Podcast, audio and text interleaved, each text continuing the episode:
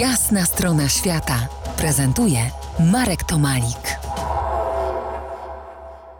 Oswajanie trudnych miejsc spotkanych w trasie według mnie ma wiele z oswajaniem samego siebie, bo niemal każda podróż w głąb świata prędzej czy później będzie podróżą w głąb siebie. Niby to jest takie oczywiste, a nie do końca. Tak, myślę, że y, zwłaszcza przy dłuższych podróżach y, można się dowiedzieć o sobie y, czegoś, czego się nie podejrzewało, albo przynajmniej spostrzec, że pewne rzeczy, które wydawały nam się nie tak istotne, jednak są dla nas istotne. Wiesz co, myślę tu, jak zadawałeś to pytanie, to od razu pomyślałem sobie o takim uczuciu, które mi towarzyszyło przez większość pobytu w Gujanie francuskiej. Ja tam spędziłem za pierwszym razem cztery miesiące, potem jeszcze miesiąc.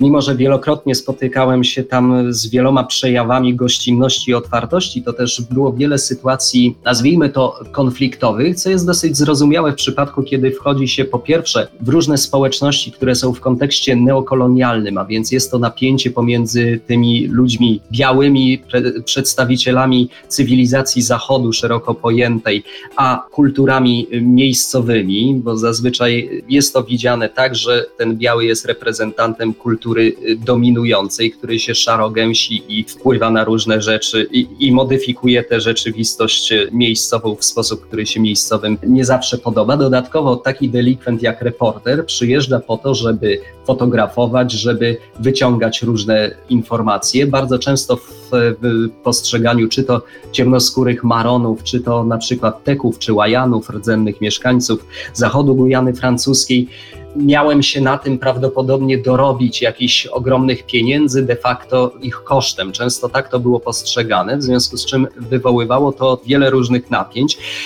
I trzeba było naprawdę y, sporo wysiłku i cierpliwości, żeby sobie wydreptać zaufanie, żeby wzmocnić te relacje. Za kilkanaście minut ciąg dalszy naszej rozmowy. Zapraszamy.